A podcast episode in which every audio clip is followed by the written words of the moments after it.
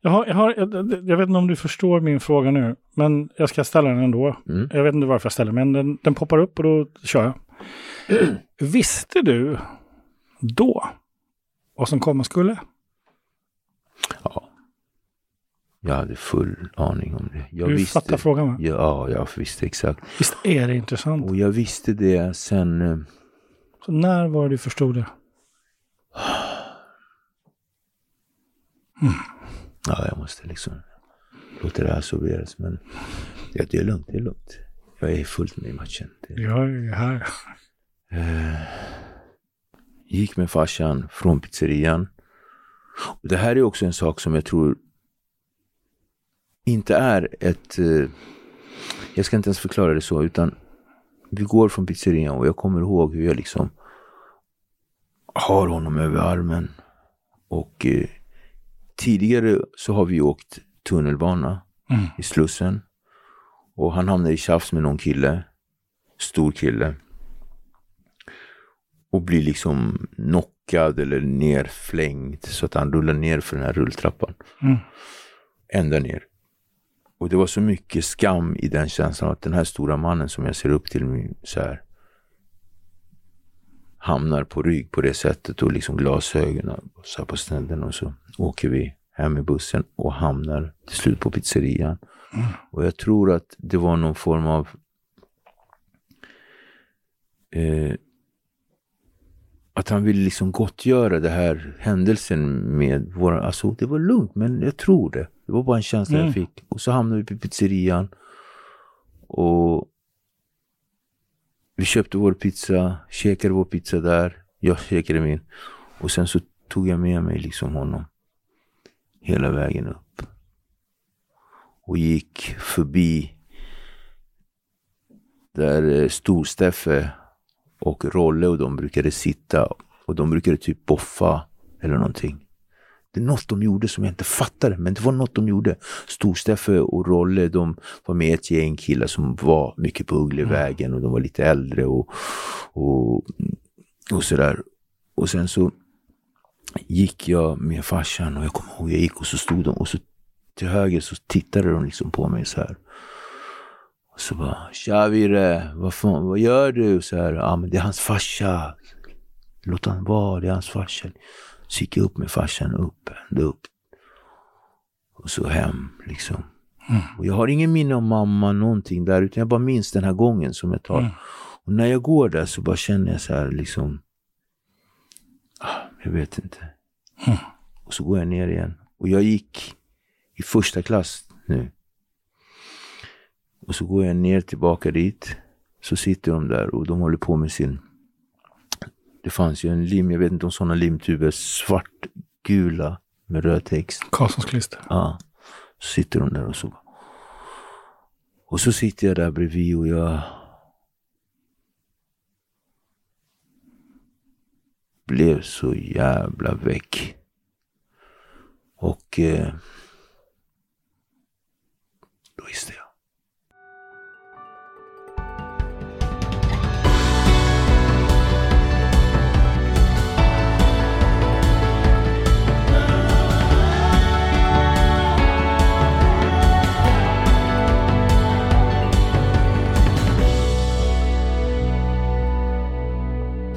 Du, jag tänker vi checkar in Mm. innan vi drar igång. Vi har dragit igång. Mm. Eh, vad är smärtsamt för dig idag? Smärtsamt för mig idag. Det finns ju olika nivåer på smärta och sådär men eh, det som är smärtsamt för mig idag är att jag fortfarande, fortfarande kan leva kvar i någon form av självförakt. Mm. Mm.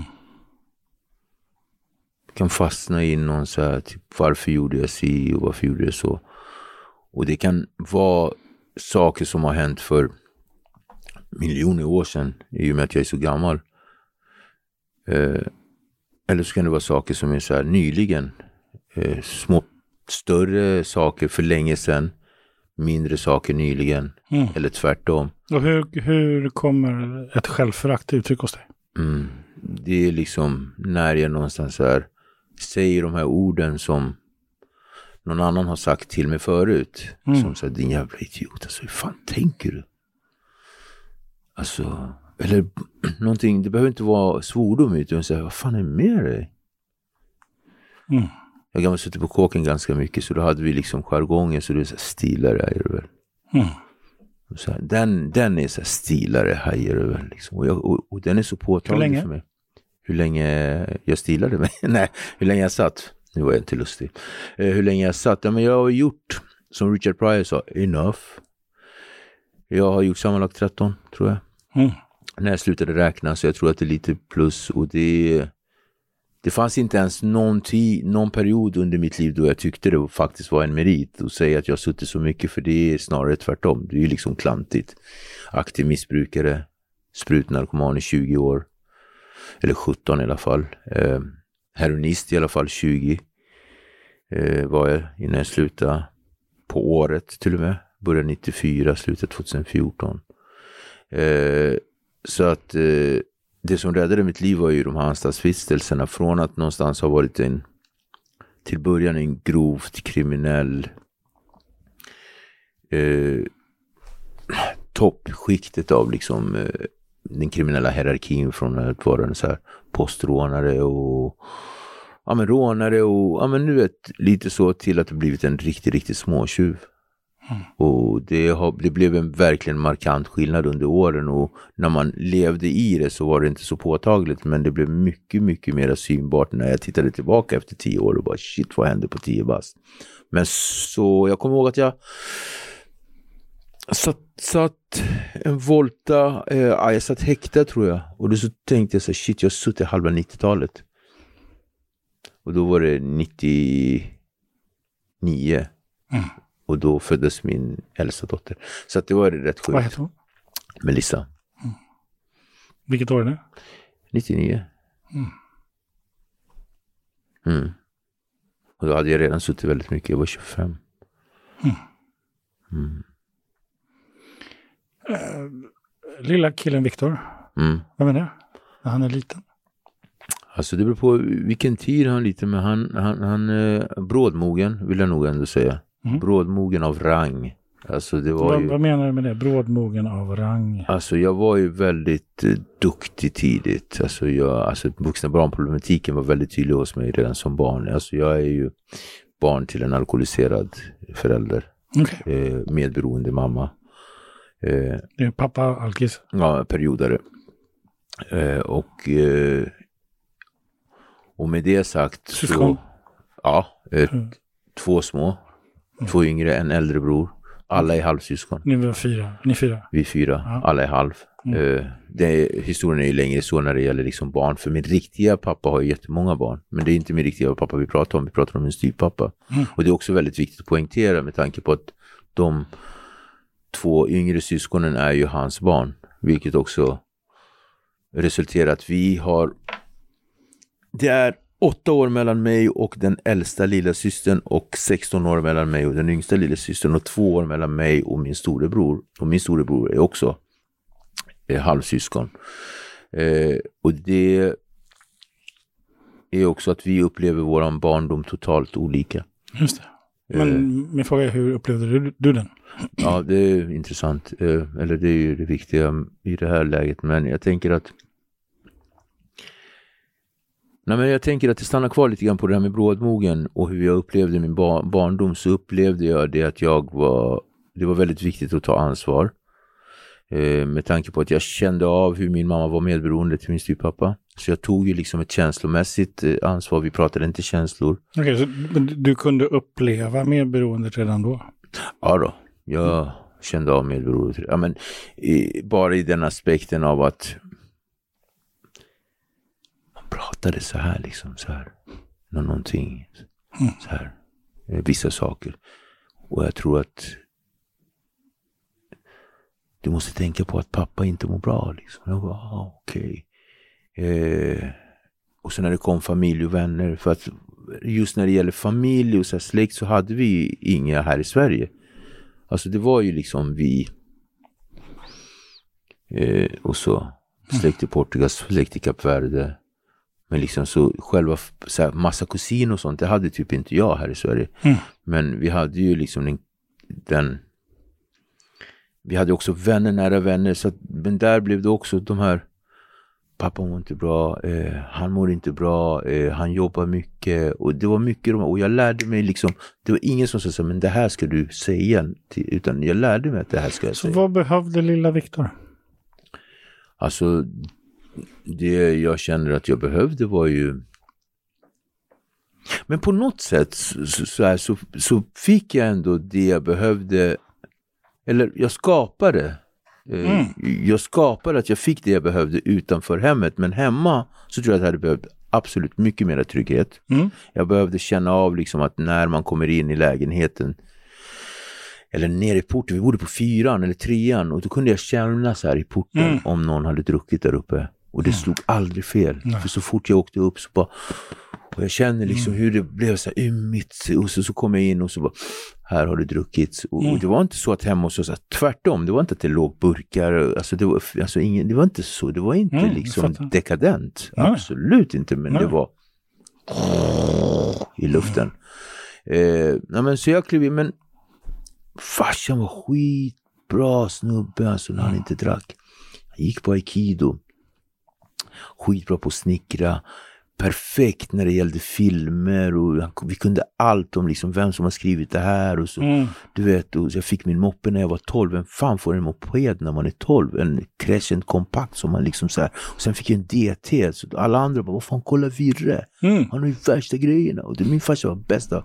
Så, Mm. Krallig, manlig, stora händer och liksom så här. Och väldigt, väldigt eh, lärande person. Mm. Så vad Så- behövde så, lilla Viktor? Så, ja, men så kom ner, så, du, vet, Mm. när man snackade med en så Ja. gick han liksom ner på knä. Liksom. Så, Ja. stor snubbe. Ja, och det var inte min riktiga pappa, så våran fysik påminner inte om varandra. Jag är 1,30 med hatten på liksom nu som vuxen. Så jag är ju liten. Så han var ju stor. Mm. Eh, så gick ner och så liksom snackade, tog långa promenader med mig. Nu fanns Hammarby, Sjöstad fanns ju inte, så det var ju liksom industriområde, Mm. Lugnet.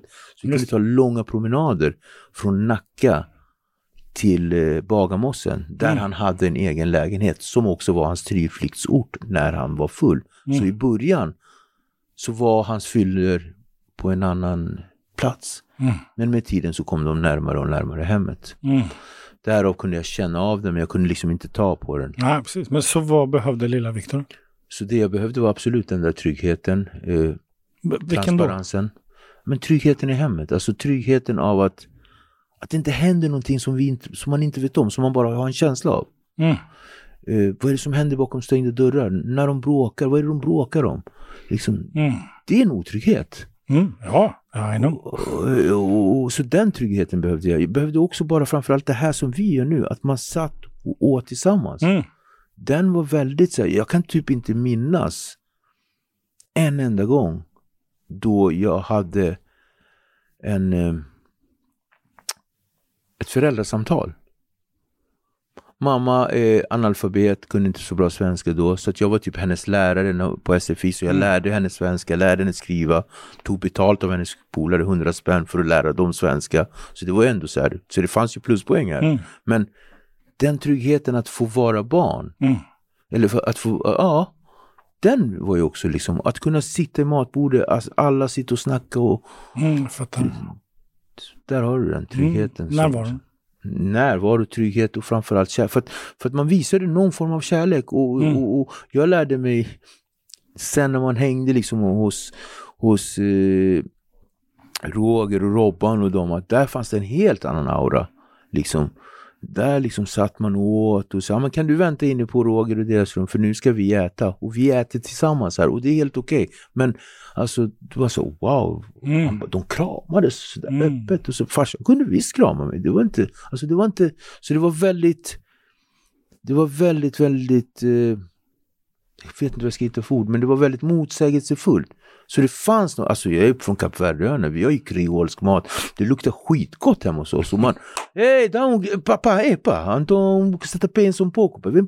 Alltså det, det fanns moden. Mm. Men så kunde det liksom plötsligt från en dag till en annan, poff, Var helt tyst. helt tyst. Och där kom alkoholen in, flodhästen eller elefanten i vardagsrummet var påtaglig. Därav brådmogenheten. Mm. Att jag liksom tog det här ansvaret. Och liksom, Så vilket ansvar är det du tar? det finns inget specifikt eh, ord för vilket ansvar jag tog, men någonstans så mantlade jag eh, så mantlade jag eh,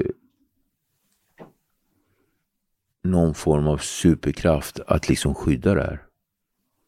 Skydda det här. Så att det här vill jag, alltså det är bättre att jag har det så här än att jag inte har det här alls. Så att utomstående får inte veta vad fan det är som försiggår Mm. här.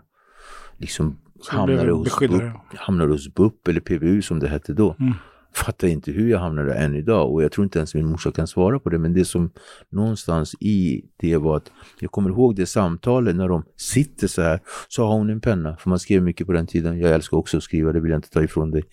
Men då sa men Viktor, eh, hur, hur, hur känns det liksom i, i Elins klass liksom? Elin, Elin Bari, det var en norska som liksom hade oss i, i sexan. Bästa personen. Men det var samma människor som kunde säga, jo men jag tycker att Elin är snäll men ibland frågar hon för mycket frågor. Ja men vad är det hon frågar? Ja, men jag, alltså, så jag var jättebra på redan där, Mm. skydda. Och jag var ju också en superläsare så att jag liksom tog min tillflyktsort till biblioteket och liksom Mm. började så här, jättekonstigt barn liksom. Och Jag kommer ihåg att jag var typ 12, 13 och så hade jag med mig en bok som heter Låt tisslarna brinna skriven av Yeshar Kemal. Och hon tittade på mig och hon bara, ska du verkligen läsa det här? Mm. Och du bara, ja. Ja. Och, ja men så, här, så, så, så jag kommer ihåg när jag satt med henne där. Så sa hon, vad, är det för bok? Ja men jag har varit på, hos biblioteket. Så tog jag fram min bok och hon blev helt ställd. Då. Mm.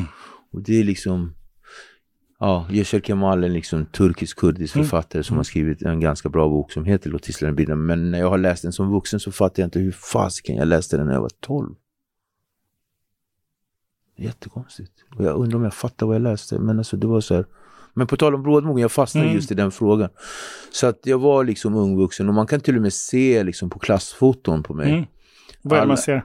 Ja, det, ska, det är så sjukt för att jag fick ju ofta ofta eh, sitta i centrum, för förmodligen var jag en centrumpersonlighet, det märker man hur sättet jag är, jag var ändå lite clownen och sådär. Och, och det är ju också en av mina starkaste roller när det gäller vuxna barnproblematiken. Du vet tapetblomman, clownen, Mm. rebellen och, och, och, och duktiga barnet. Eftersom jag var ensam barn lång tid, då var ju alla rollerna så jag Mm. liksom fyllde ut. Sen när min syra kom, då blev hon lite så här duktig. Sen min yngsta syra var, vad heter det, eh, tapetblomman. Men eh, när jag kunde sitta i skolan så då var jag verkligen clown. Så man kunde se på klassfoton. Och det är också mycket som man måste beskylla min mamma för i och med att hon, hon köpte kläder som var liksom för större barn. Men man såg liksom att, och jag kommer ihåg att jag prompt men jag ska ha en slips på mig. Så jag hade ju liksom en så United Colors och så, som var helt jättegrön, precis som den där blomman. Och så hade jag en slips som tillhörde typ, som kom från typ, för jag gick ju på någonting som heter Vår Teater. Så jag kommer ihåg Mm. att där kunde man köpa vid basaren bredvid så kunde man köpa så här. Så min mamma, men jag bara, jag vill ha den där slipsen och så hade jag en sån här slips på mig. Liksom, Mm. så det, Men har, har du kvar fotot? Någonstans har jag nog kvar Så om du skulle titta på det idag och så tittar du på Viktor, Mm. vad är det du ser då? Sorg. Jag ser Mm. absolut sorg. Jag, jag ser eh, jag ser jättemycket sorg i ögonen men jag ser också men i min sorg så fanns det någon form av så här lidelsefull eh, gnistra av hopp. Mm.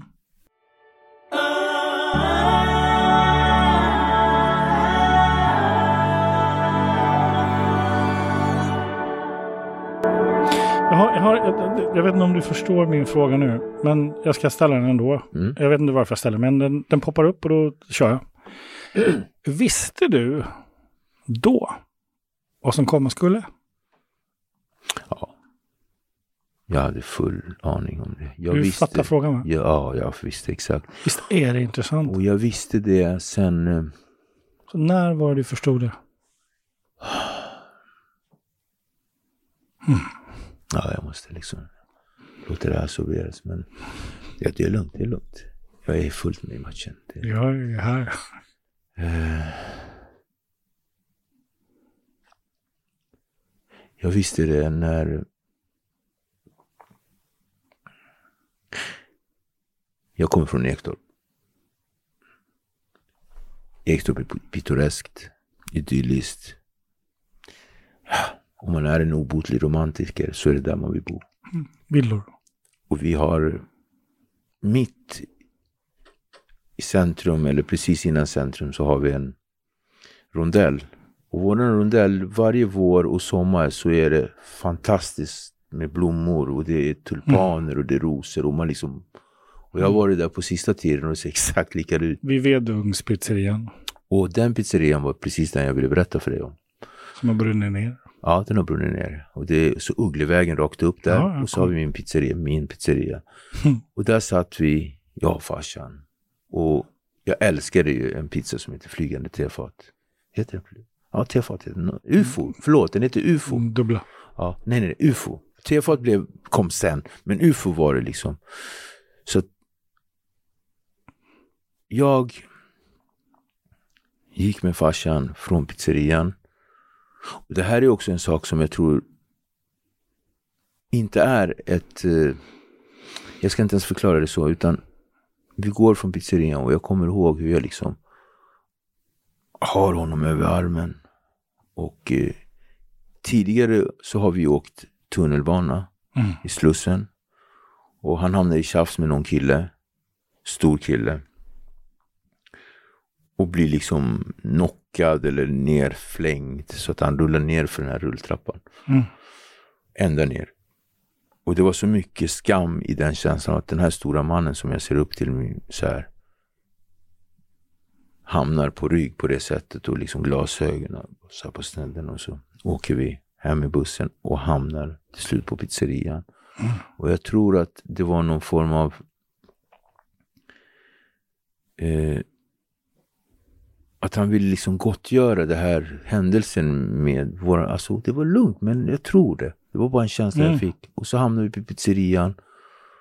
Och vi köpte vår pizza, käkade vår pizza där. Jag käkade min. Och sen så tog jag med mig liksom honom. Hela vägen upp. Och gick förbi där eh, Stor-Steffe och Rolle och de brukade sitta.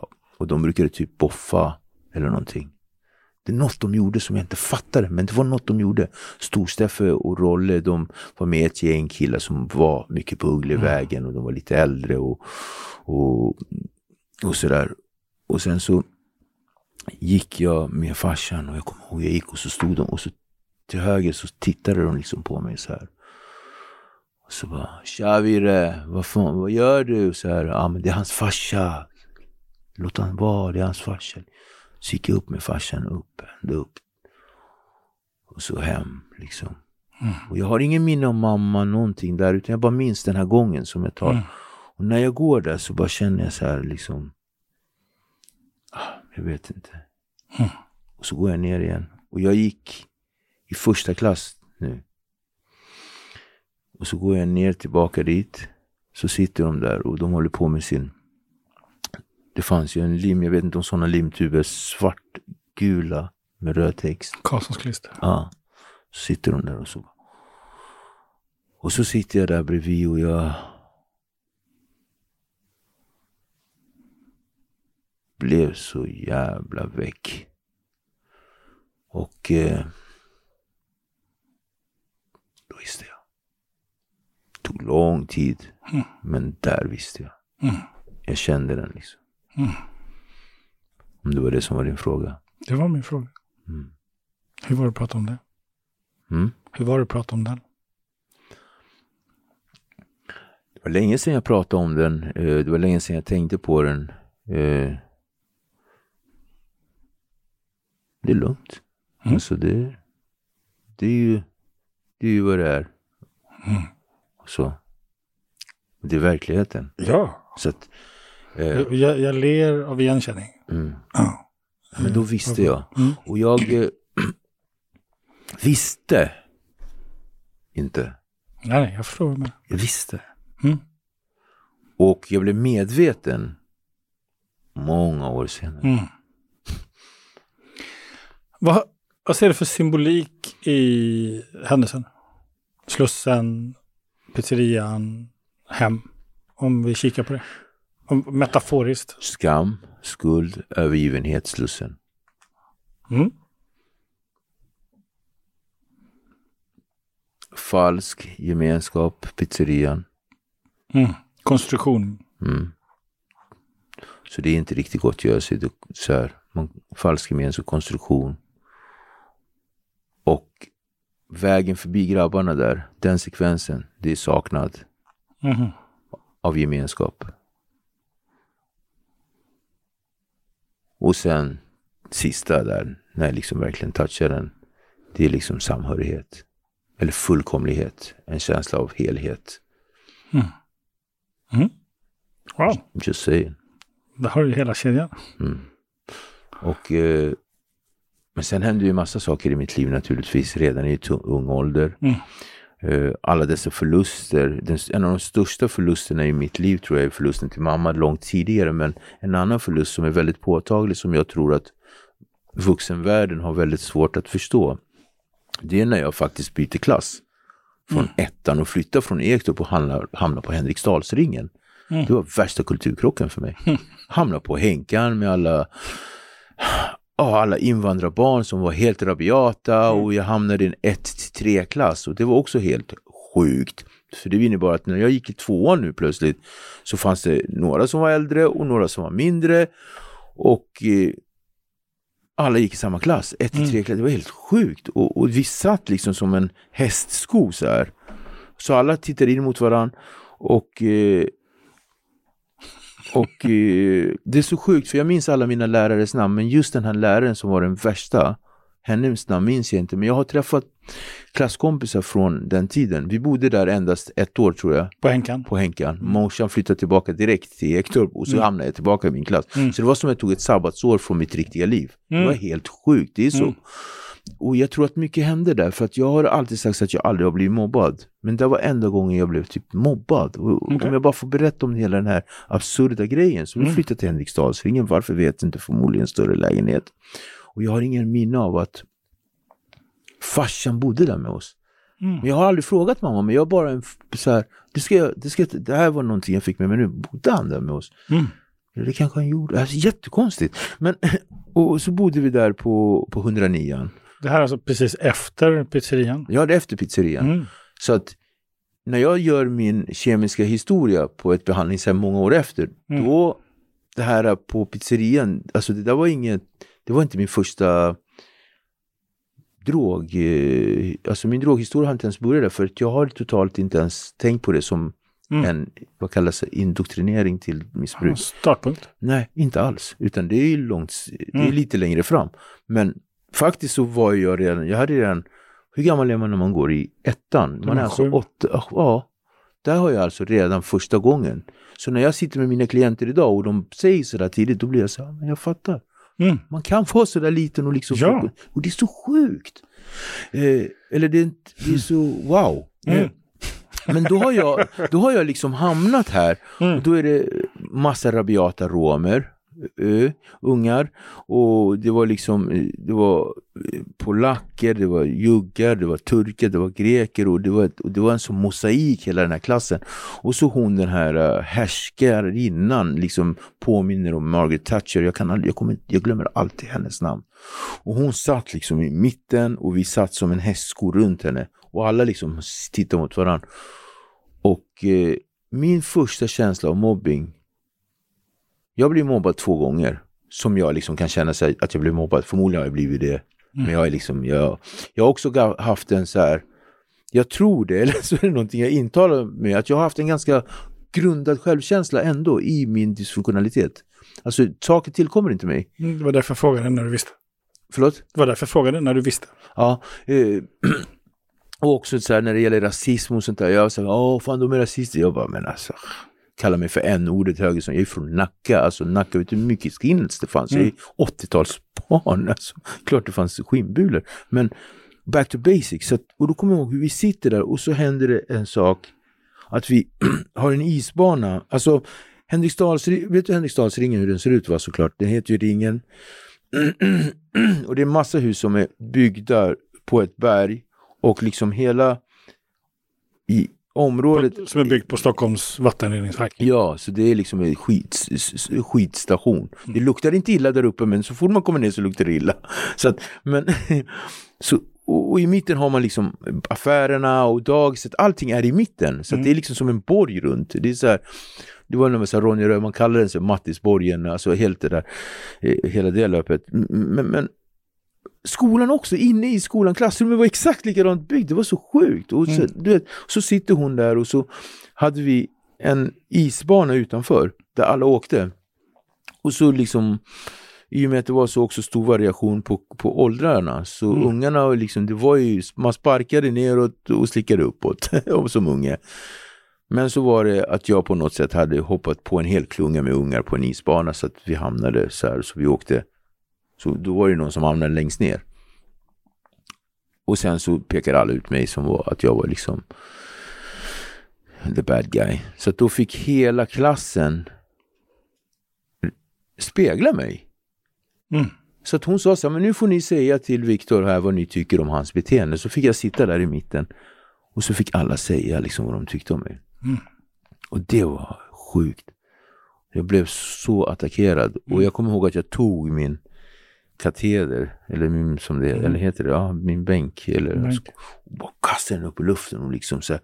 och jag var ju väldigt eh, dramatisk och illustrativ i mitt beteende också. Mycket film och liksom så att jag var så här. Äh! Så bara gick jag ut, det såg ut som en liten, liten rumpnisse. Jag var ju skitkort också. Jag bara gick ut och ganska satt redan då så jag bara gick ut. Och bara, äh! På tal om Mattisborgen. Ja, ja, men så bara gick ut och skitlack. Men sen nästa sekvens var också på samma ställe, fast då är det uppe på taket. Då är det ett gäng, Patrik Pelosio och de här killarna hade mig uppe på taket och jag sökte igen det som jag gjorde med Storstepp för dem året innan, för då satt de och rökte brass uppe på taket. Så var jag där och så, så bara de vill du komma upp eller? Och så liksom, och då hade den här filmen G kommit också så jag kommer ihåg att de hade en bandspelare med så här ledmotivet till filmen G vilket egentligen inte hör till historien men det är ändå liksom ett inslag. Så bara gick jag upp dit, satte mig där uppe med dem. Jag tror inte att jag ens ville röka, för jag rökte inte ens, men jag bara ville vara med dem. Mm. Men då kommer jag ihåg att liksom alla tog av sig brallorna och så liksom monade de typ så här, alltså de så här, ja, satte sig på mig så här, utan byxor och så. Och den där kränkningen var så, mm. den satte sig så djupt. Så gick jag hem och jag, ja, men jag har inte så mycket minnen från hemma på Henkan. Det mm. där året är väldigt... Det starkaste minnet jag har därifrån däremot är att jag får en, pil, en rostad pil i knät som vi lägger med en dartpil. Så åker jag till sjukhuset och, och opererar det här knät och liksom det blir... Så där, det är det enda minnet jag har. Men när jag ligger på sjukan, då sitter jag och då har jag en pappers... För hon sa, man vill rita så här. Alltså jag är jätteliten, vad är man? Två, man går i tvåan, man är så här åtta. åtta. Mm. Och så hon bara, vill du ha liksom? Och då tog jag den här pennan och då kom jag ihåg att jag skrev så här, allas namn som var på taket. Patrik Pelosio, mm. Niklas Edström, Thomas och så här. Bara skrev allas namn och de var typ åtta eller sex, åtta. Och liksom en efter en letade jag upp dem när jag typ blev 16, 17, 18 många år senare. Och liksom tillbaks till Henken och bara klippte varenda jävel. Förutom Patrik Pelosi som blev någon form av värsting och som flyttades till Italien så fort det var rörigt. Hans mamma flyttade. Jag tror det var det. Men alltså när jag menar klippte var den, det var att jag liksom ja, men tog en tabbe på dem. Alltså jag kom tillbaka för jag började sen hänga Tog in en tabbe, var det? Ja, det ska jag berätta. Nej men sen så blev jag ju liksom lite äldre för att jag växte ju ganska snabbt i jag, alltså 12-13 år började jag hänga i stan sen. Jag försvann från Nacka. Vi flyttade tillbaka till Egertorp.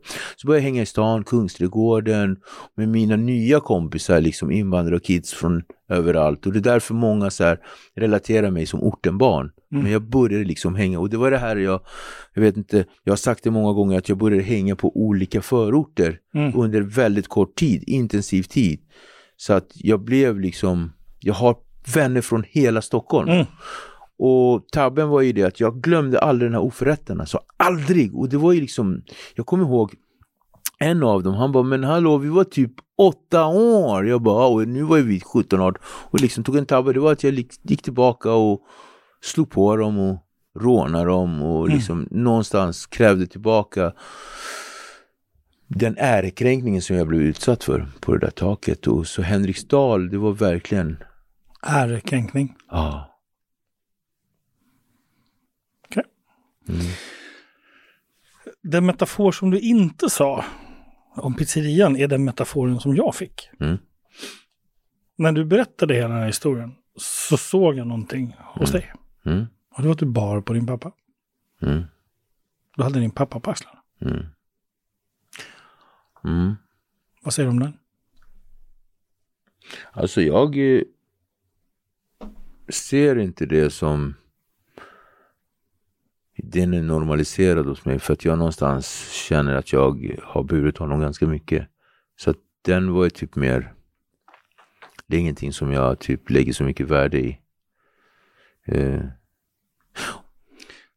Men om man ser symboliken i det.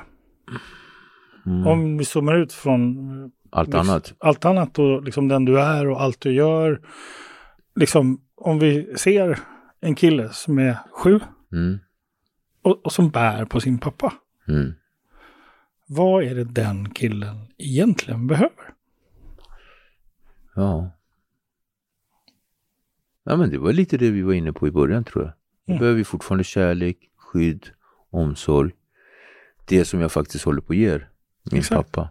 Mm. Och eh, då, vi kommer in på det här, alltså den här känslan av att jag vet inte om jag var inne på det lite grann, men jag svävade förbi den för jag kände att jag var inne i en annan härva. Men, kopplar du? men det jag egentligen menar är ju liksom den här vuxna barnproblematiken som kommer just nu som tillfrisknande, alltså Mm. så här, som efter många år börjar jag känna att där är min kärna. Mm. Alltså när jag kom in på behandlingshem som, så var så mitt problem var att jag var heroinist. Mm. Period. Sen någonstans så hamnade man liksom att jag var medberoende och att jag liksom var kriminell. Alltså det var också så här, det började kristallisera sig. Mm. Men ju mer jag började, alltså mitt stora problem, alltså det dysfunktionella hos mig, det är att jag är vuxet, ett vuxet barn. Barn som var tvungen att bli vuxen och som vuxen började uppföra mig Mm. som ett barn. Skulle du kunna säga att det är som att vi tar bort lager? Det yttersta lager, det som står i vägen för allting, det är heroinen. Mm. Och sen så tar man bort och så. Och, och nu är du i vuxenbarnproblematiken. Liksom. Och, och, och, och då hamnar man i det här. Mm. Och då tänker jag till din fråga. Mm. Eller det, det är liksom det, det som, liksom där vi började. Så sa du att du skulle jobba med din tacksamhetsskuld. Mm. Vad lägger du i ordet tacksamhetsskuld, Viktor? Men tacksamhetsskuld är att jag utgår från det som jag också sa till dig tidigare, självföraktet. Mm. Självföraktet bottnar i liksom att jag är en skam och skuldpersonlighet, känner att jag duger inte som jag är. Du, du hör att du säger att du är någon nu, va? Mm. Du, du jag- säger att du är och när jag säger det så utgår jag från, alltså jag pratar ju dåtid. Mm. Ja, det är Men- inte men- någonting jag är just nu. Nej, men du hör att du säger Jag det. jag som det. om... Ja, bara... Och det gör jag ju medvetet. Mm. Och det kanske är min retorik, jag vet inte. Men det är också självföraktet. Den är ingenting som jag känner av. Mm. Men tacksamhets, tacksamhetsskulden, det är någonting som jag någonstans förnimmar hela tiden. Mm. Och så får jag tänka på det. Så nej men vänta, du är inte skyldig någon någonting. Så det är skuld du pratar om? Vi pratar om skuld som Ah, okej. man blandar ihop och blir till skam. Mm. Och då, ska vi, då reder vi ut det, tycker jag. Mm, Jag blir jättenyfiken. Mm. Alltså om vi har, vi har för tacksamhet, mm, vi har skuld, Mm. och sen så har vi skam, och sen så har vi självförakt. mm. Help me out, Viktor. Hur tänker du? Vad är vad? Vad är vad? Mm. Vad jag är av dem, eller vad jag känner av dem, eller vad de betyder. Hur du definierar. Jag definierar så här. Skam och skuld är ju en känsla av att när jag gör saker som går emot mina värderingar, som jag inte tycker är okej, men som jag ändå gör, så skapar det en känsla av att jag är fel. Därav skammen. Okej. Det jag egentligen skulle kunna göra är att Tack för lånet. Eller nu har jag tagit den. Nu får du tillbaka den. Jag återgäldar min skuld till dig. Mm. Det borde vara klart där. Mm. Jag utgår från mig själv. Mm. Trots att jag har lämnat tillbaka den. Så får jag en känsla av att fuck, alltså, varför gjorde jag det där? Mm. Fan vad jag fortfarande skäms. Okej. Så lägger det sig som lager. Fan, jag fortfarande skäms. Jag skäms fortfarande. Okej. Är, är det en skuldkänsla eller en skamkänsla? Skäms. Det är en skamkänsla. Mm. Av någonting som jag har gjort. Och det är helt fel. Tycker jag. Ja, men om jag är skyldig dig hundra spänn och ger dig tillbaka din hundring. Mm. Då är jag kvitt dig. Men inte... Känslan in- av att jag faktiskt, eh, eftersom den har varit så låg, så varför betalar jag inte, alltså, är du med? Varför betalar jag inte den i tid? Eller alltså, det är sådana grejer. Eller bara när det gäller, när vi är inne på den grejen. Du är skyldig mig en hundring. Och jag har en sån låg självkänsla och sånt självförakt och inte tycker att jag duger som jag är på grund av min skampersonlighet. Så att jag har svårt att fråga dig efter min egen hundring. Mm. Fan, du... Alexander, min vän Alex. Kan inte jag få tillbaka min hundring som du skyllde mig? Så händer det någonting. Jag skäms. Mm. Men skäms jag, vad är det jag, och, så, och så kan man liksom inte reda ut varför jag skäms för att Mm. fråga efter mig. Är det för att du ska säga samma, åh vad jobbig du är som frågar efter en hundring. Mm. Ja, skäms jag för att jag är småaktig? Skäms jag för att jag ställer krav? Mm. Vad är det jag skäms för? Eller skäms jag för din skull? Då tänker jag så här. Jag vet inte om blir, man blir klokare på det där. Man blir men- jättemycket klokare. Och, eh, eh, ja, jag tänker utmana dig lite nu. Mm. Tänk om det, allt det du sa bara kvalificerat bullshit. Och så, och så är vi där ett tag. Mm. Mm. Och så säger vi så här. Den storyn är över. Victor. Mm. Den storyn är över. Ehm, skuld? Ingen aning. Skam? Ingen aning. Självförakt? Mycket möjligt. Mm. Så, så vi hamnar i den eh, Let's ignore it a little while. Alltså varför det jag sa det på engelska vet jag inte, men låt oss ignorera det en liten stund. Eh, och så tänker man så här, ja, vad skulle du vilja att det var istället? Vilket av dem? Du tar bort alltihopa. Vad är det du skulle vilja ha istället för en känsla av tacksamhetsskuld, en känsla av skam, en känsla av... Vad, sku, vad är det du vill ha istället? Vad jag vill ha istället? Ja. Vad jag skulle vilja ha istället är frihet. Mm. Att jag fan är nöjd med mig själv. Frihet och nöjd med dig själv. Fri, frihet, nöjd och lite jävla kärlek. Lite jävla kärlek. Ja. Kopplar du? Alltså kopplar. någonstans så är det också bullshit. För att egentligen så finns det hur mycket kärlek som helst runt omkring mig. Just det. Men mottagligheten är totalt. Och då återkommer vi till, ja just det, det var ju bullshit. Så vi får inte vara där. Men liksom förmågan att kunna ta emot kärlek. Rädsla, Att... bli övergiven. Ah.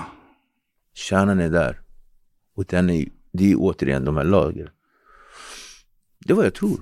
Vad heter din riktiga pappa? Ah, Macario. Eller kallades för vad var fotbollsspelaren i Brasilien. Men jag vet inte, jag tror inte min farsa var en fotbollsvåffla alltså. Vad, han lever inte längre. Ah, var, han, när han var ung. Nu, nu han lever. Mm. Var, var finns han? Han finns på... Just nu bor han i USA och vi träffades för första gången för... eh, wow! eh, åtta... Sju år sedan ungefär. Det var första gången ni träffades. På... Sen jag var... Nej, inte första gången vi träffades, Nej. men första gången vi träffades på 20 år. Mm. På 20 år. Okej, så t- berätta historien om din riktiga pappa. Ja, min riktiga pappa är en... ehm, jag skulle väl kunna kalla honom uh, charmör. eh, Could have guessed. ja, jag vet. Men eh, jag vet inte om man ska liksom utgå från att äpplet faller långt från trädet. För att jag brukar alltid säga jag ska aldrig bli som min farsa, så blir jag exakt som min styvfarsa. Men jag blir också förmodligen som min riktiga farsa. Jag är ju liksom, jag menar, jag är ju vad det är. Men 23 barn. Eh, bor kvar på Kap Verde. Eh, Så din mamma träffade honom när då? som ung. som ung? Eh, jag har inte så mycket historia kring vad som hände innan det där och liksom vad Innan vad? Nej men innan jag föddes, alltså sådär. Men eh, de träffades, eh, de fick mig eh, och han, eh, jag tror att jag är nummer fyra av barn. Mhm. Nummer fyra av 20 plus. Alltså jag tror inte ens det är 23 längre. Jag tror, jag tror jag har säkert 28 syskon. Mm. Och sådär. Och eh, jag känner ytterst få av dem på hans sida. Eh, de barnen på min Så de träffas, du kommer till världen. Hur länge är de tillsammans innan? Alltså jag tror inte ens att de är tillsammans. Mm. Och jag säger tro för att jag inte vet. Och jag vill inte fara med osanning. Mm. Så att jag tror inte ens att de är tillsammans. Och det har inte liksom legat i mitt intresse att fråga. Och det, har inte, det är inte det att jag inte har frågat för att jag tycker att det är en tabugrej att prata om. Men det har bara inte varit så här. För sen har jag, jag menar för första gången jag träffade dem efter 20 år där. Eller träffade dem, träffade, då var det ju att jag träffade mina föräldrar tillsammans. Så det, jag har aldrig upplevt dem i vuxen ålder tillsammans. Nej. Så det var ju ganska kul och sådär. Men jag har ju träffat honom i tonåren. Jag har ju varit tillbaka till Kap Verde under barndom och tonåren. Okej. Så att jag har ju träffat, jag är ju uppväxt med honom på något sätt. eh, Så att jag har ju, alltså, det är inte som att vi aldrig hade träffat. Alltså, Nej, jag förstår. Så han, Så att- han fanns med i bilden. fanns med i bilden var att ta i. Men det var ju liksom att gå över gränsen. Men han, alltså varje gång jag åkte ner till Kap Verde så fanns ju min farsa där. Hur ofta åkte du till Kap Verde? Wow, eh, jag tror att jag åkte till Kap Verde i vartannat år under en stor del av eh, barndomen och tonåren. Och sist jag var där innan de här, eh, för några år sedan, så var jag, sist jag var där, då var jag typ 20, eh, 18. Mm. 18. Sen var inte jag där mellan 18 till... Okej. Ja. Så att jag har träffat honom under min barndom. Men, så att min pappa, nej, men om jag får Ja, berätta. Så kör. att min farsa var ju verkligen en, en person som alla tyckte om.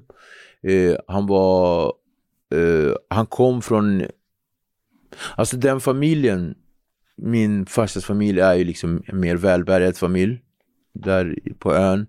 Så att de har, vi har det gott ställt där och ja, och så här kusiner som liksom hade det bra och det var någon förbindelse till USA så folk hade rest hit från USA. Alltså, så att det fanns ju liksom det var ganska hög standard på så att när man sa så här, ja, han, han är son till honom, då var det så att man fick ganska bra anseende, Mm. vilket jag aldrig kunde förstå. Men, Mm.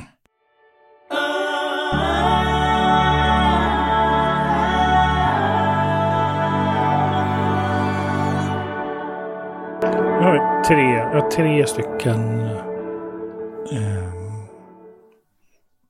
symboler, berättelser, situationer så, som, som jag connectar. Det ena är det faktum att du blir övergiven av din pappa mm, som barn.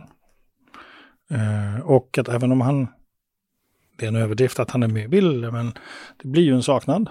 mm, Eh, och en erfarenhet jag har det är ju att när man växer upp utan en förälder, så, alltså en frånvarande förälder, så blir ju de mer närvarande i sin betydelse för barnet. mm, Hänger med hur jag tänker? nej. Eh, om det är fotbollsmatch Ja, så menar du. Ja. så, så, så kommer det bli uppenbart att min pappa inte är där eller min mamma är inte där. Mm. Och, och det blir en närvaro av frånvaron. Mm. Så det liksom, Ja, så ja. där sen, ja. Det blir påtagligt. Ja, det Lyser med sin frånvaro, Det, ja, typ den moden. Ja, precis. Eh, så, så det är liksom en sån övergiven tidigt. Mm. Liksom, och, och, och, och barnet hanterar det. Sen självklart problematik med styrpappa och alkoholiserad som perioder och alltihopa. Sen har vi den här situationen i pizzerian. Mm. Där, där du bär på pappa. Som, Mm. som det finns, jag, jag upplever att det finns en stark symbolik i det, att bära någon annan. Mm. Så. Eh, och att det dessutom är kopplat till ett missbruk, att bära någon annan. Så. Och sen den här promenaden förbi samhörigheten, liksom, Mm. som, som, som blir en... Så. som... Där visste du. Här började det. Och, och sen kommer hela den här, liksom, som vi inte ens har pratat om, hela din, ditt liv, liksom, Mm. som kommer sen.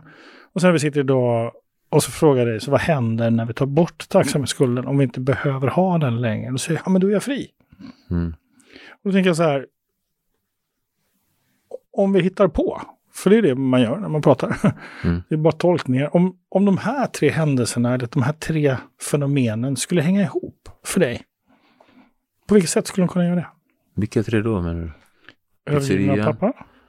Övergiven av pappa. Ja. Jag bär på min pappa. Längtan efter frihet. Om de hängde ihop. Mm. Om de hängde ihop, hur skulle de kunna hänga ihop då? Fast de hänger ju ihop. Så hur hänger de ihop? Den, ja, de hänger ihop på grund av att det är jag. Alltså det här är ju min historia. Mm. Det är ingenting som vi kan lägga undan. Mm. Vi kan inte låtsas, det är klart vi kan låtsas att de inte existerar. Nej. Fast Mm. de är ju liksom, Ja. det här är ju, det här är min ryggsäck. Ja. Ah. Det är det. Och... Eh, mm. Så det är ju så de hänger ihop, tänker jag. Mm. Det är enda förklaringen jag kan tänka mig hur de hänger ihop. Eh, sen att det är manliga förebilder. Det är också en ganska slående... För att vi har ju pratat väldigt lite om min mamma. Men min mamma har ju funnits där. Mm. Fysiskt, känslomässigt, eh, moraliskt. Alltså, alltså som vuxen idag kan jag ju se det på, på ett friskt sätt. Som Mm. att man gjorde sitt bästa. Och när jag säger man så menar jag man. Mm. Alla, a, a, a, jag, ja, men jag vill ju tro det. Och jag har aldrig varit sån som Isak. Men om vi går tillbaka till de här tre. Jag, jag, jag är helt övertygad om att alla människor agerar och gör allting det de gör med en, grund, med en god intention. Ja. I grund och botten. Ja men, ja, men verkligen. Eh, så att om man går tillbaka till de tre händelser så är det övergivet barn och manliga gestalter i livet. Och det är ju det är egentligen ingenting som jag tycker är någonting nytt för mig. Men någonstans på vägen så har jag försökt grusa bort det därför att det blir som att jag liksom ska skylla på omständigheter så här. Och så skapar man andra saker som inte är lögner direkt heller utan de är ju kanske lättare att förklara för sig själv framför allt och sådär. Men jag, jag kan inte låta bli och, och liksom ändå gå, till, gå in i det här med det här självföraktet. För det är någonting som jag tycker är någonting som är magstarkt att säga. Så att självförakt. Men mitt självförakt har ju myntats i också som den missbrukaren jag blev.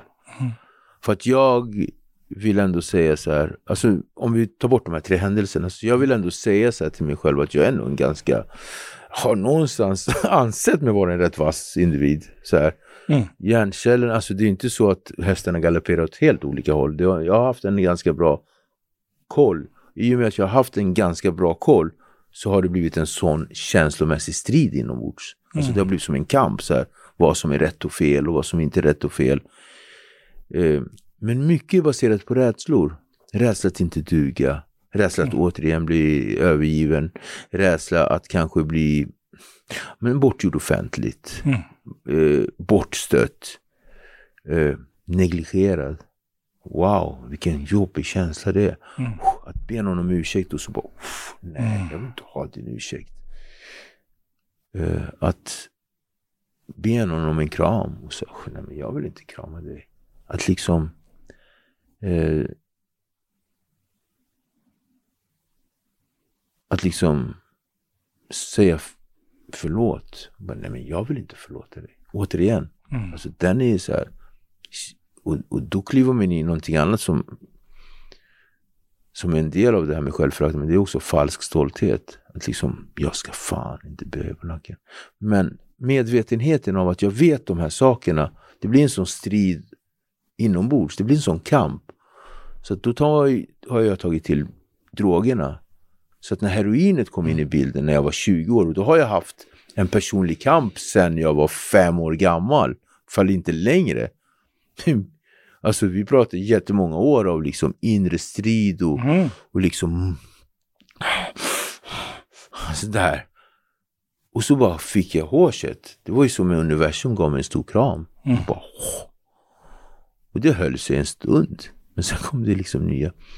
Självföraktet myntades i att jag liksom bara gör illa mig själv gång på gång på gång på gång. Men min fråga till dig, Mm. gör du det fortfarande? Nej, inte i den utsträckningen vill jag nog inte säga. Men jag tror Nej, att... Nej, men det vill jag Då- inte säga att jag. Nej, och då tänker jag så här, för tänk om det är så här, Mm, att om vi tar då självförakt och vi tar tacksamhetsskuld, det vi ska jobba med, det, det det här någonstans ska handlar om, Mm. tänker jag. Så Och ja, det är du som är den röda tråden hela Mm. vägen. Men tänk om du inte längre är samma Viktor som du refererar till. Då kommer det ett ansvar. Nej. Nej. Jag kommer till självbild. Mm. Mm. Tänk om du inte längre är den personen du refererar till. Fast jag är inte det. Mm. Eller, alltså, hur så, så, vad kom, så vad kommer självföraktet in? Idag? Ja, det, är en, det är en intressant fråga. Ja. Det är en intressant fråga. Mm. För tänk om det bara är en mekanism som har fortsatt. Och som du inte har slutat tagit bort. Mm.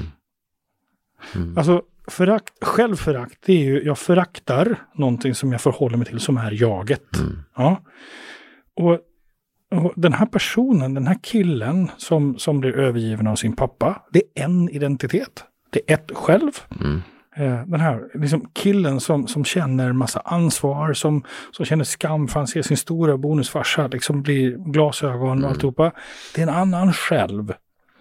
Eh, killen som hårsar, som blir monad. Alltså, det, det är olika åldrar och Mm. olika identitetsupplevelser. Och om vi, om vi föraktfullt skulle baka ihop allt det och kalla det här för självförakt, då förringar vi den här, den här fantastiska powern som Viktor sitter på. Mm.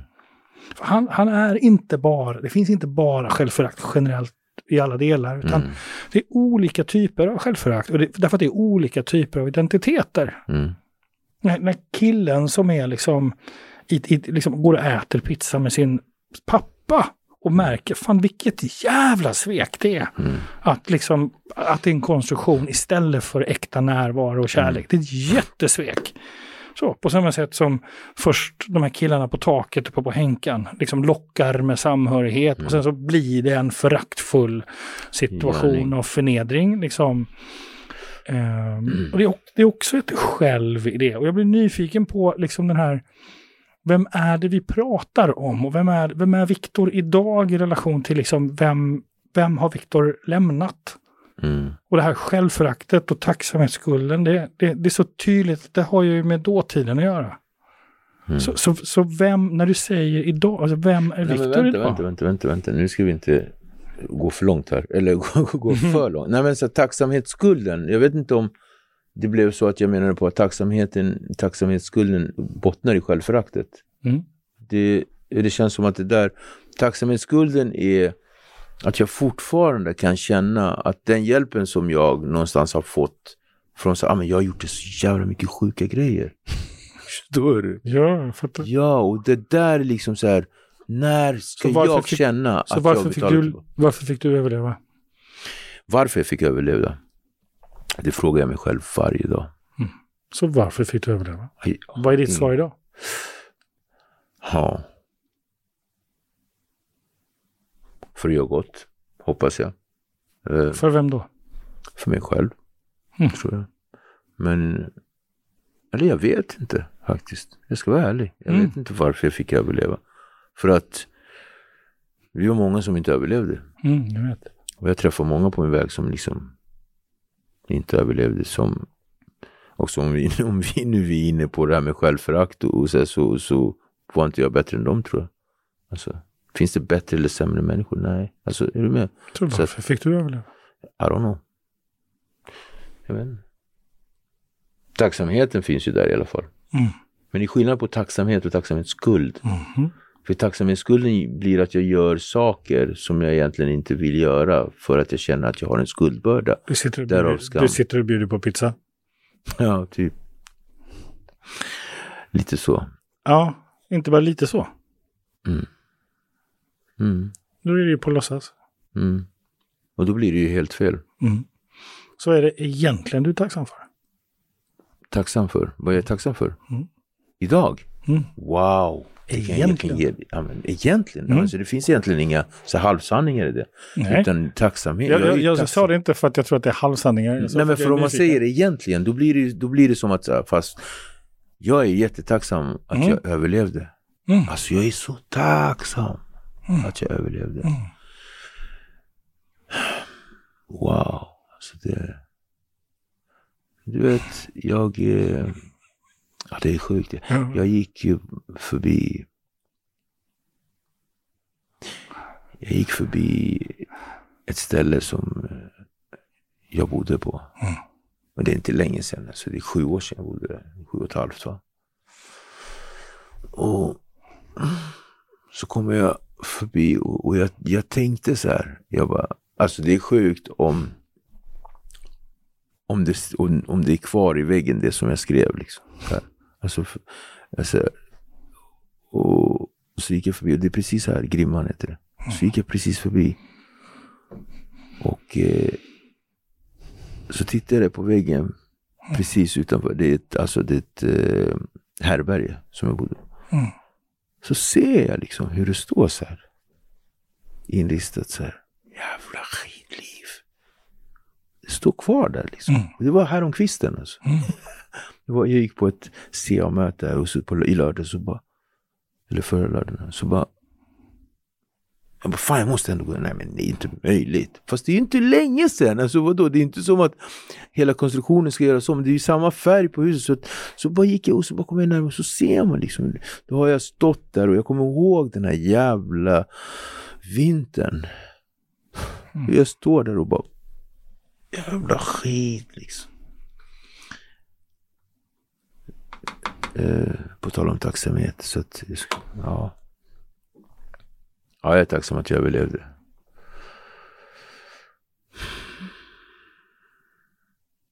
Det jag.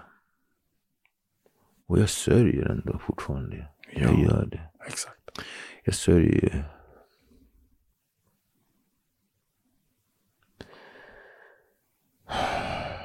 Så på vilket sätt är din sorg kopplad till din tacksamhetsskuld? för den?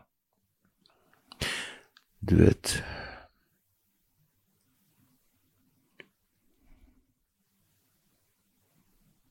Min dotters mamma, när jag hade varit drogfri i fyra månader så dog hon i en hjärtattack bredvid mig och hon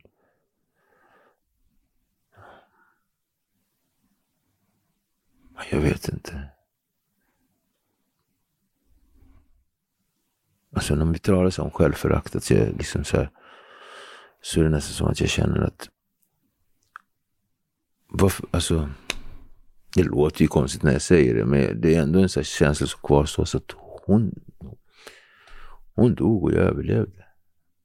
Och hon dog i en hjärtattack och hon ramlade ihop framför mig i Gamla stan. Och, och så att tacksamhet, ja, men när det blir tacksamhetsskuld, vem har jag skuld till? Alltså, är det ja, men så här, universum eller jag vet inte. Vem är jag? Kopplar du? Men det blir, den känslan är väldigt stark och jag skulle ljuga för dig om jag inte liksom känner av Mm. den här tacksamhetsskulden till Mm. Till? en högre makt eller samhället. Jag vet inte någon, den som bestämde att jag skulle överleva. Mm. Jag vet inte. Så vem var det som bestämde att du skulle överleva? Ja. Många skulle kanske kalla det ödet, många skulle kanske säga Gud eller jag vet inte. Ja. Mm. Och, det är en, och det är en dimension. Det är en dimension, Ja. M- men jag, jag överlevde. Mot alla odds så fixade jag det. Mm. Så någonting måste jag ha gjort själv. Ja, just det. Ja, fan. Mm. Och du vet. Mm.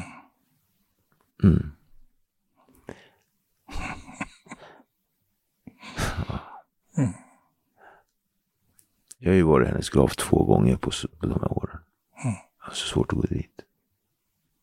Exakt. Vad heter hon? Kisha. Madeleine. Colin. Mm. Och din dotter var med? Nej. Hon var inte med då? Nej. Det var du och hon. Mm. Och det kanske är den mest dramatiska upplevelsen jag varit med om. Och det är Melissa. Nej. Akaya. Akaya. Så att... Eh, mm. Ja. Så om du skulle gå till hennes grav idag. Om jag skulle gå? Mm. Nej, jag var ju där för... Ja, när var jag där sist? Ja, men det är ungefär åtta månader sedan. Mm. Men det jag menar så det är inga konstigheter att gå dit. Men det jag menar är att jag har gått dit för sällan. Jag, så här. Och när jag nu var där här, härom, härom året blir det ju. Så var det som jag hade varit där varje dag. Så Mm. det var sådär. Men det är att jag fortfarande känner så här att så orättvisan att hon liksom rycktes bort. Och inte jag gjorde det. Fast jag vill ändå vara här. Alltså, så det är den känslan och, och den bottnar i, och jag vet inte att när jag använder ordet självförakt att det kanske är felaktigt uttryck. Jag vet inte, men jag, det är det närmsta jag kan komma och jag är ändå ganska, som jag sa, jag är ändå ganska, jag är inte, jag är ganska vaken, jag har ju koll på Ja, ord och så. ja. Jag kan uttrycka mig jätte, så det skulle vara jättekonstigt om jag inte kan uttrycka en sån grej. Ja, jag hör, jag hör att det själv, jag hör, jag hör att du har en koppling mellan tacksamhetsskuld och självförakt. Som, som jag tycker är intressant. Och, Det behöver inte betyda att, jag, att, att den är sann. Nej men ja, och det vill jag inte, och, och, det, och det vill jag inte liksom Det vill jag inte, alltså det är klart, det, det kan man ju brösta. Samtidigt så blir det ju någonting Alltså det blir en fråga som jag ställer mig Mm. gång på gång. Och inte idag, obviously bara, utan gång på gång. Det var ju därför jag tog med mig det. Det är så här. När ska jag faktiskt vara tacksam och nöjd över att jag faktiskt överlevde? När ska jag känna att jag är värdig att överleva? Mm. Alex Dabrowski, Sebastian Eriksson, Paibo Sala, Wahib Hussein. Alltså, de är många Mm. som gick bort. Kan du säga frågan igen? När ska jag vara faktiskt tacksam? Sa du? Ja, över att jag överlevde. Över att jag överlevde. Jag vill bara få den noga. Så när ska Mm. Och jag... tacksam kanske är fel ord. Jag vet Nej, inte. lugn, lugn. Häng Nej, men jag är med. Kom bror. När ska jag vara tacksam? När ska jag vara faktiskt tacksam över att jag överlevde? Mm. Det är ett sätt att ställa frågan på. Mm. Om vi skulle omformulera den frågan. Hur skulle du omformulera den frågan då? Ja, vi skulle kunna byta ut orden. Jag vet inte. Lägga dem upp och ner, göra en rebus av dem. Självklart, utan att vara sarkastisk. Fast det blev det. Men, Du blev sarkastisk. ja, ja, men, ja, men, men, ja, men om vi prövar. Hur tänker du då? Då tänker jag så här, alltså när, när ska jag faktiskt vara tacksam Jag kan över jag dem till det direkt. Så här, det, det är dags att acceptera att jag faktiskt överlevde Mhm. och ta tag i det and get over it. Okej. Mm. Tror du på det själv nu? 100 procent. Och jag tror att Vad hände nu? när Vad då... var det som hände? Skillnaden mellan det? Från, från, från att jag sa rephrase Mm, och gick till sarkasm. mm. Och vad hände sen? Sen hände det att jag eh, bestämde och Ja. blev väldigt markant. Ja, Mm. tack. Nej men tack ska du ha. Å andra sidan, varsågod.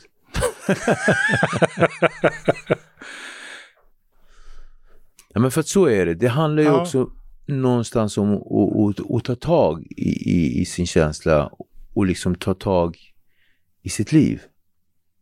Ja, just det. För det jag hör också, för nu har jag fått med mig otroligt mycket. Det är inte bara att jag pratar här om mig själv, utan jag lyssnar ju också på vad du säger. Mm. Det jag har fått med mig är liksom att släpp det gamla och våga falla. Och, embrace it. För att jag har ett jättefantastiskt liv. Vet du, så här, det är jättemycket människor som typ diggar mig. Det är sjukt. Visst är det konstigt? Det är jävligt Det skumt. är helt stört. Från Hur är det vara- möjligt? Nej men från att ha varit en kille som gick här nere på Mm. gatan och plockade fimpar och kollade Ja. så att ingen ser och så tog upp en halv. Du vet, vad heter det? Cigarette butts? Mm. Jag vet inte vad det heter på engelska men det låter så här schysst på engelska ofta. Mm. Cigarette butts. Och liksom bara rökte och liksom så här tog en fix här i trappen liksom så här inne på någon toalett fullt med blod och så kommer en mamma ska byta blöja och bara skäms. Den personen Den är du skitduktig på att prata om. Verkligen. Ja. Men bort från det där. Alltså bortsett från det. Mm. Och liksom, Och för att kunna ta sig dit, Mm. min vän, vet du vad vi måste börja göra då? Säg till mig, jag ber dig. Börja bestämma oss för hur och vem det ska vara. Mm. Så om du inte har självförakt, vad vill du ha då? Självkär, självkärlek. Ah, vad sa du? Självkärlek. Du sa självkänsla? Nej. Jo, först och så bytte du till självkärlek. Självkä- du kanske Nej, bara var jag tänkte säga självkännedom. tänkte jag Självkännedom. Men, men det tycker Cool. inte jag passar in där. Nej, okej. Ja, så från självförakt till själv... Ja, kärlek. självkärlek. självkärlek. Ja. Då, vad behöver du göra då, Viktor? Börja älska mig själv. Ja, men okej. Floskelvarning nummer ett. Så vad behöver du göra? För att, kunna, för att liksom börja älska dig själv. Jag köper den Mm. och resultatet av den. Men vad behöver du, Viktor, konkret göra? För att, för att välja att inte Nej, men välja det är själv. släppa tag om det gamla. Hur då? Ja, du. Hade jag vetat det så tror jag att jag hade gjort det. Ja, så vem vill du vara? Till exempel, vad för kille jag har träffat idag? Mm. Nu hänger jag inte med dig. Vad är det för kille jag har träffat idag? Ja, Det kan ju du berätta. Rolig, skön, trygg, varm, kärleksfull, tillitsfull person. Ingenting av allt det som... Fast allt det där är jag. Ja, Det, det sticker jag inte under stol nej. Det, Så vad kommer självföraktet in? Vad, av vad gamla upplevda händelser. Just det. Och levnadsstandard och öden Mm. och så vidare. Och jag tror att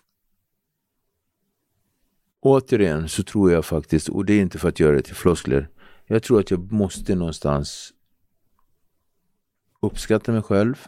Mhm. Eh, brösta, alltså att Ja. jag faktiskt överlevde. Brösta Ja. att jag överlevde. Ja, och där du, kommer ett ord som jag har ruvat på nu i typ 56 minuter. Vet du vad det är? Mm. Ansvar. mm. Ansvar för vad? Ansvar över mig själv och mitt eget liv och mitt mående och för den jag vill vara. För vet du vad som kommer hända då? Förändring. Då hedrar du de som inte finns kvar. Mm. Mm. Det är fair.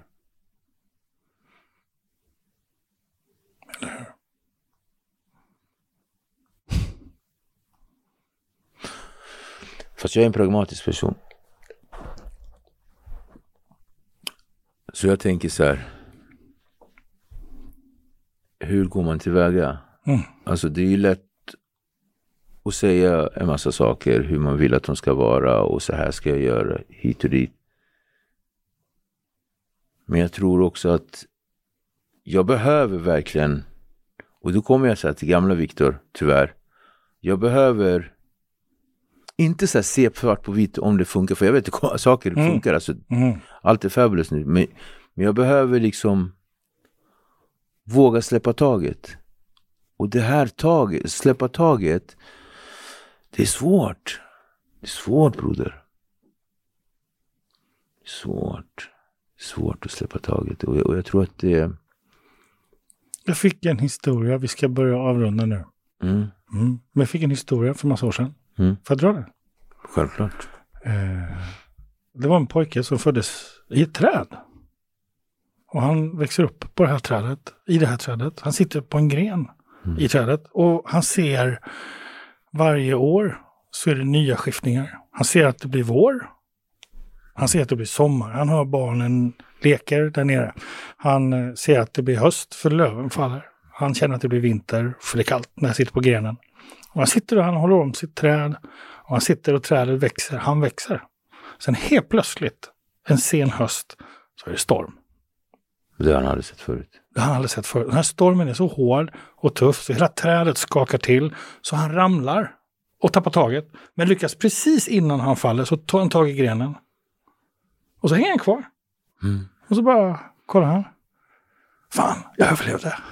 Mm. Jag fixade det. Jag dog inte, jag klarade det. Så han hänger kvar. Och han hänger kvar och så blir det vår, det blir sommar, det blir vinter, det blir höst. Och allting är nästan samma. Det är en liten skillnad. För han är lite lägre ner på grenen. Så det det är någonting som är annorlunda. Men han, till slut orkar han inte längre. Stark jävel ändå. Så han är tvungen att släppa taget. Mm. Bara för att inse att ända sedan stormen så har han stått på marken hela tiden. Den gillar jag. Mm. Att släppa taget kanske är bara att släppa taget. Mm. För det kanske redan har hänt. Mm. Det du är rädd för kanske inte ska hända. Mm, precis. Och jag, och, jag, jag, köper det. Mm. Du är redan där. Mm. Vad tar du med dig efter då?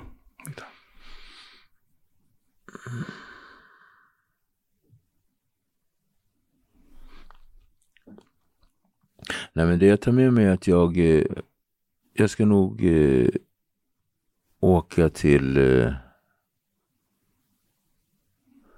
Botvids kyrkogård.